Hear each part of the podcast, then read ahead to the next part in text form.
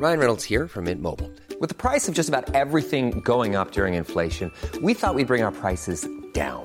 So to help us, we brought in a reverse auctioneer, which is apparently a thing. Mint Mobile unlimited premium wireless. Ready to get 30, 30, bit to get 30, bit to get 20, 20, 20, bit to get 20, 20, bit to get 15, 15, 15, 15 just 15 bucks a month. So, Give it a try at mintmobile.com slash switch. $45 upfront for three months plus taxes and fees. Promo for new customers for limited time. Unlimited more than 40 gigabytes per month. Slows. Full terms at mintmobile.com.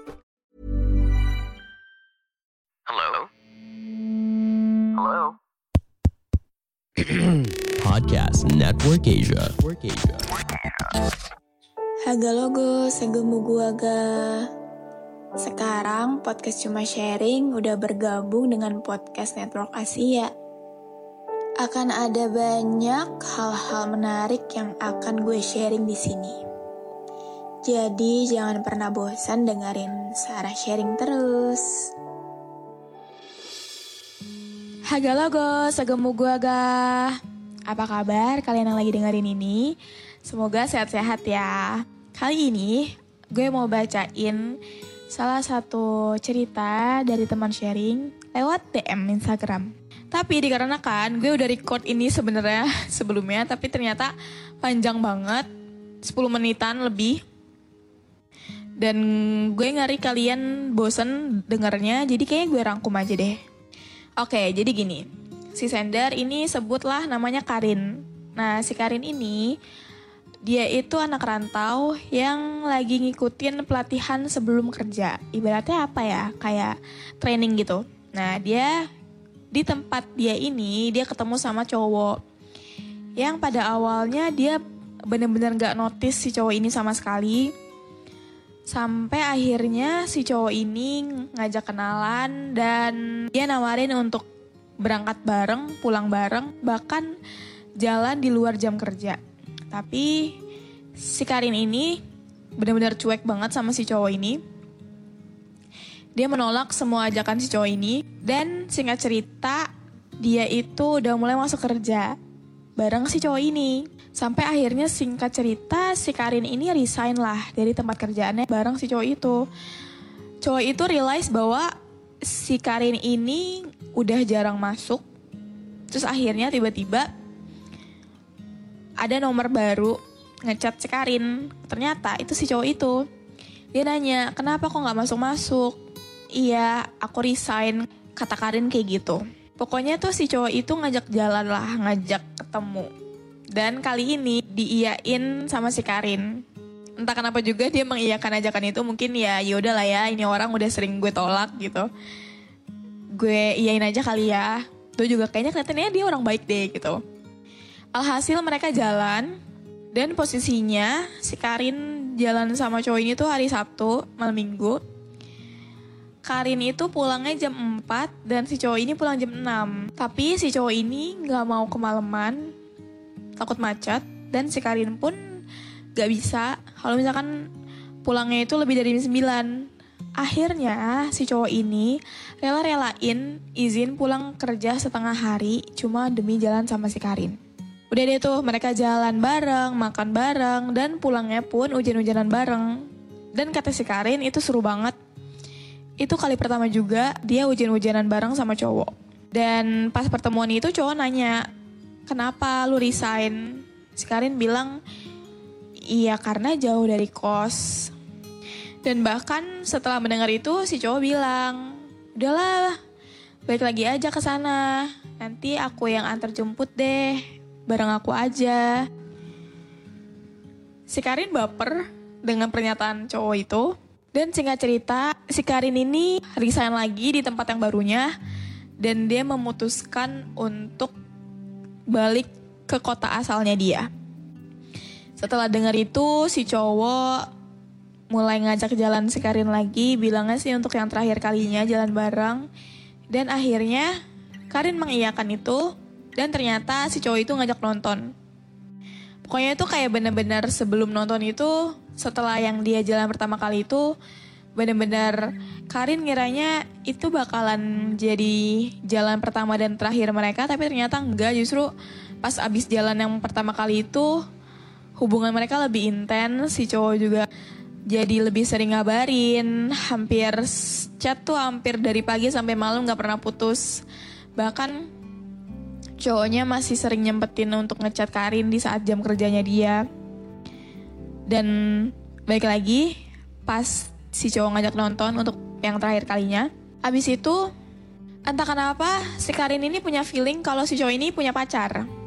Dikarenakan setiap mau ngajak jalan si cowok ini selalu bilang, wah sama saya tuh nggak ngizinin buat selingkuh, kayak gitu-gitu. Dan Karin tuh selalu pernah mancing juga gitu loh. Lagian sih udah punya cewek malah ngajaknya cewek lain gitu. Dan si cowok itu balas cewek dari mana sih nggak ada gitu. Dan akhirnya si cowok itu ngaku kalau emang dia punya cewek. Cowok itu ngaku di saat, nah si cowok ini bilang kalau dia tuh punya cewek di saat dia ngechat si Karin lagi. Beneran jadi balik. Dan dia mengutarakan perasaannya, tapi dia mengutarakan perasaannya itu dengan cara aku sayang sama kamu. Terus si Karin nanya, sayang sebagai apa dulu? Ya mungkin untuk memastikan gitu kan. Sayangnya kayak sayang aku ke pacar aku. Dia bilang kayak gitu saudara-saudara, hadirin-hadirin sekalian. Oh my god, gila ya. Terus si Karin tuh kayak, ini kenapa sih? Sebenarnya siapa sih yang salah gitu? Aku yang salah naruh perasaan aku ke dia atau dia emang yang salah karena dia nggak bilang dari awal dia tuh punya pacar.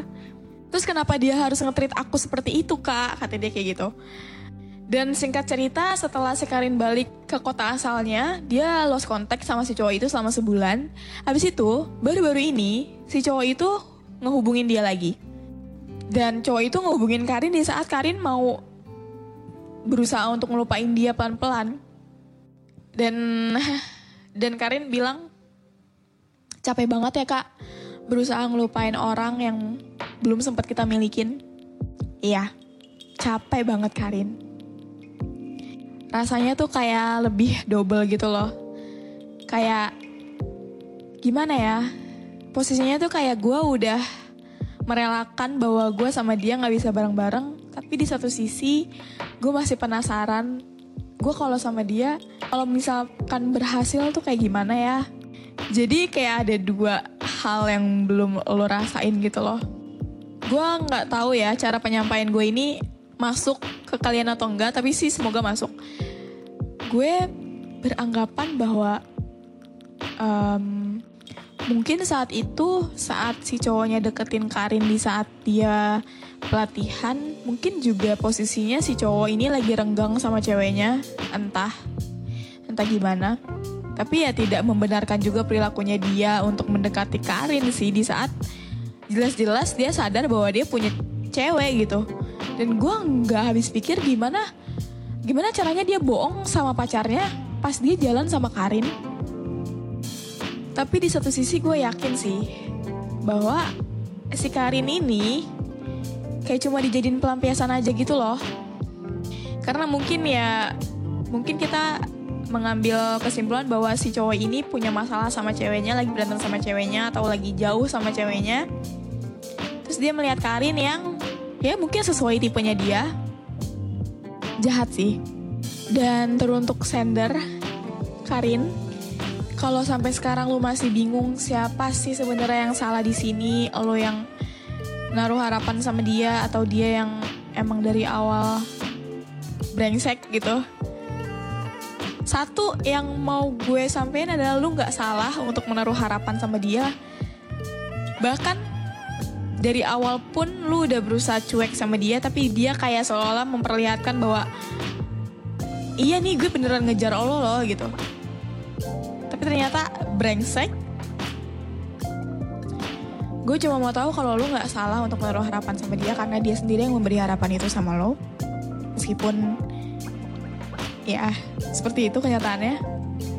Dan gue nggak akan menyuruh lo untuk move on cepet-cepet dari orang yang belum sempat lo milikin. Bahkan gak bisa untuk lo kalaupun lo sayang sama dia ya coba pikirin gimana perasaan perempuannya di saat lo jalan sama dia kemarin. Kalaupun memang perasaan itu beneran ada, ya cukup doain dia yang baik-baik aja. Dan lebih tepatnya doain dia supaya nggak dapet karma. Tapi pasti pengen sih doain dia dapet karma. Intinya lu nggak salah. Karena kita nggak pernah tahu sama siapa hati kita akan berlabuh. Oke, mungkin segini dulu aja episode curah kali ini. Terima kasih banyak Karin udah mau membagikan ceritanya di sini. Maaf banget kalau ternyata penyampaiannya tidak sesuai sama cerita lo karena lumayan panjang ya. Jadi ya yaudah gitu deh. Oke, okay, have a good day everyone. Dadah.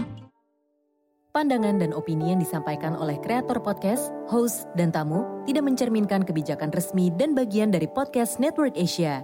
Setiap konten yang disampaikan mereka di dalam podcast adalah opini mereka sendiri dan tidak bermaksud untuk merugikan agama, grup etnik, perkumpulan, organisasi, perusahaan, perorangan, atau siapa pun dan apa pun.